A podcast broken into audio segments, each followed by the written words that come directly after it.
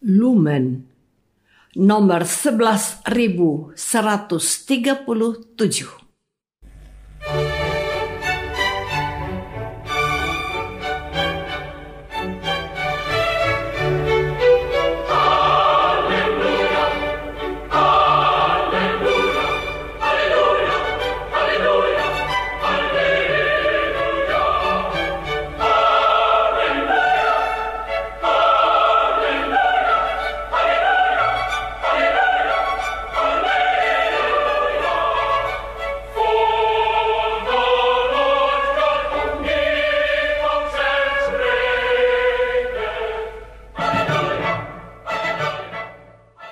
Saudara pendengar di segenap penjuru tanah air, selamat bergabung dengan Lumen Indonesia. Lumen Indonesia siap melayani Anda setiap hari. Saudara terkasih, marilah kita bersatu dalam Tuhan kita Yesus Kristus yang tidak berubah dahulu, sekarang, dan selama-lamanya. Allah Sang Maha Rahim mengasihi dan menerima sebagaimana adanya kita Allah Bapa kita di surga senantiasa bersedia menolong, menghibur, dan meneguhkan kita dalam menghadapi segala permasalahan hidup sehari-hari.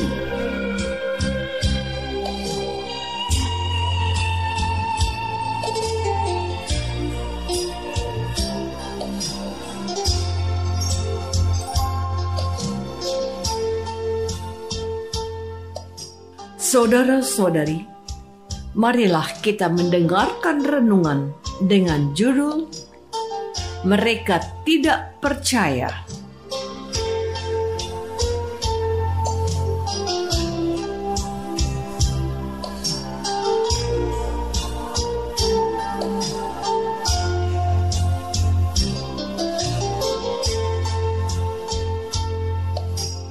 Yang berdasarkan pada Injil Markus bab 6 ayat 4. Yesus bersabda, Seorang nabi dihormati di mana-mana kecuali di tempat asalnya sendiri, di antara kaum keluarganya dan di rumahnya.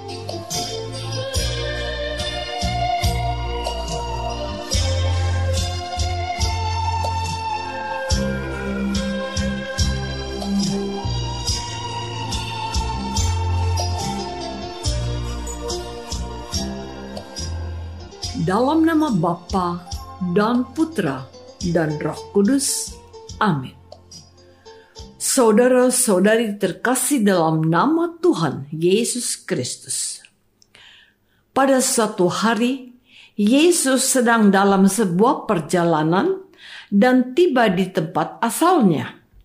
Murid-muridnya mengikuti dia. Pada hari Sabat, ia mengajar di rumah ibadat Jemaat yang besar takjub mendengarkan pengajarannya. Mereka berkata, "Dari mana diperolehnya semuanya itu? Hikmat apa pulakah yang diberikan kepadanya? Bagaimanakah mujizat-mujizat yang demikian dapat diadakan oleh tangannya? Bukankah ia ini tukang kayu?" Anak Maria, saudara Yakobus, Yoses, Yudas, dan Simon? Bukankah saudara-saudaranya yang perempuan ada bersama kita? Mereka menjadi kecewa dan menolak Dia. Yesus berkata kepada mereka, "Seorang nabi dihormati di mana-mana kecuali di tempat asalnya sendiri, di antara kaum keluarganya, dan di rumahnya. Ia tidak dapat mengadakan satu mujizat pun di sana, kecuali menyembuhkan beberapa orang sakit dengan meletakkan tangannya atas mereka.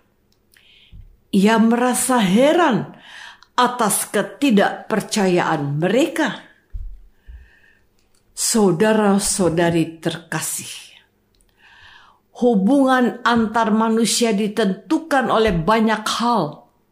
Namun, yang paling sering dipakai adalah berdasar atas apa yang dimiliki atau terlihat secara fisik dipakai orang lain itu. Seorang pria jatuh cinta kepada seorang wanita karena wajahnya cantik. Seorang pegawai setia kepada pimpinannya karena mendapatkan gaji yang besar. Seorang remaja selalu berkumpul dengan teman sebayanya karena merasa aman dilindungi. Dasar hubungan antar manusia semacam itu tidak ada salahnya karena manusia membutuhkan semua yang bersifat fisik itu. Masalahnya adalah ketika hal bendawi dan duniawi itu tidak dimiliki lagi, orang lain yang sebelumnya berada di sekelilingnya satu persatu akan meninggalkannya. Bisa dikatakan bahwa bukan karakter atau mentalitas baik yang menjadi dasar sebuah hubungan, tapi kepemilikan. Para pejabat akan sendirian ketika tidak memegang jabatan lagi. Orang kaya akan ditinggalkan ketika jatuh miskin. Orang ganteng atau cantik ketika muda tidak akan dilirik lagi ketika sudah menjadi tua. Orang yang mendasarkan hubungan antar manusia dengan hal duniawi dan bedawi akan menjadi sendirian pada akhirnya. Saudara-saudari terkasih, hubungan antar manusia secara ragawi dan duniawi itu bisa diterima.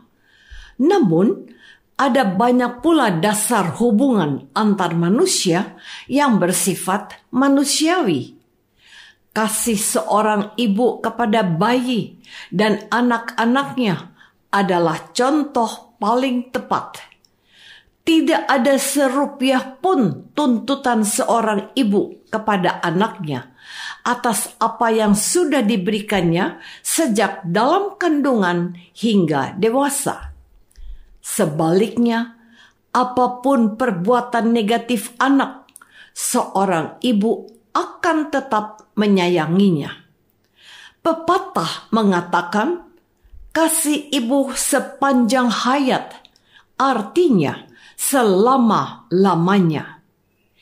Banyak pula pejabat yang sungguh memperhatikan kebutuhan masyarakat dengan membangun jembatan, sekolah, puskesmas. Pernah terdengar seorang nahoda kapal yang mendahulukan penumpang dan anak buahnya menaiki sekoci. Ia sendiri tenggelam bersama kapalnya Sering kita dengar berita upaya penyelamatan pada saat terjadi bencana alam oleh anggota Search and Research yang membahayakan nyawanya juga. Dengan apakah akan kita letakkan hubungan antar manusia dalam contoh-contoh di atas? Tidak ada keuntungan material yang akan mereka terima mereka melakukan itu digerakkan oleh dorongan menjaga kehidupan di antara sesama manusia. Saudara-saudari terkasih, bagaimanakah kita yang mengaku sebagai orang Katolik meletakkan hubungan dengan Yesus Kristus? Apakah kita seperti orang Yahudi yang melihat Yesus sebagai anak tukang kayu dari Nazaret? Apakah Yesus kita kenal karena kita mengenal saudara-saudaranya? Mengapa kita menolak semua perbuatan baik dan mujizat yang nyata-nyata dilakukan Yesus? Jika pandangan kita tentang Yesus seperti itu, jelaslah bahwa iman kita sungguh lemah dan dangkal. Yesus tidak kita terima secara utuh sebagai putra altar yang menjelma menjadi manusia.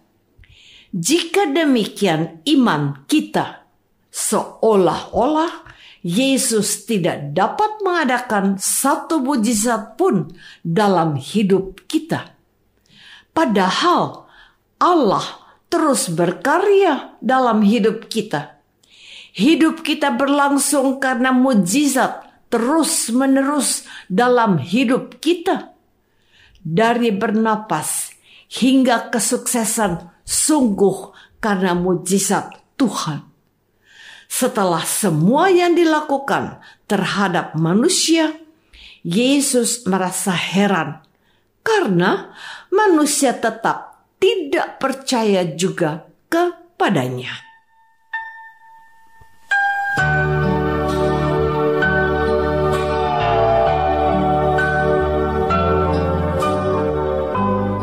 Saudara terkasih, marilah kita masuk dalam saat hening sejenak untuk meresapkan renungan yang baru saja kita dengar bersama dalam kehidupan iman kita masing-masing.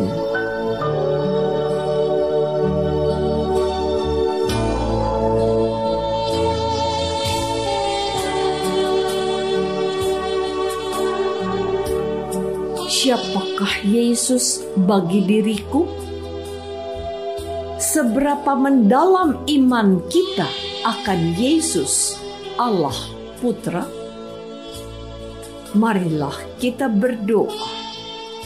Ya Tuhan, kami sungguh manusia yang hidup di dunia, sehingga meletakkan hubungan dengan orang lain berdasar hal-hal duniawi dan material. Betapa lemah iman kami karena Yesus pun kami terima dengan pandangan duniawi. Kuatkanlah iman kami agar menerima Yesus Allah Putra yang turun ke dunia melalui rahim seorang wanita. Dialah Tuhan kami, kini dan sepanjang masa. Amin. Semoga kita semua selalu dinaungi dan dibimbing oleh berkat Allah yang Maha Kuasa, Bapa dan Putra dan Roh Kudus. Amin.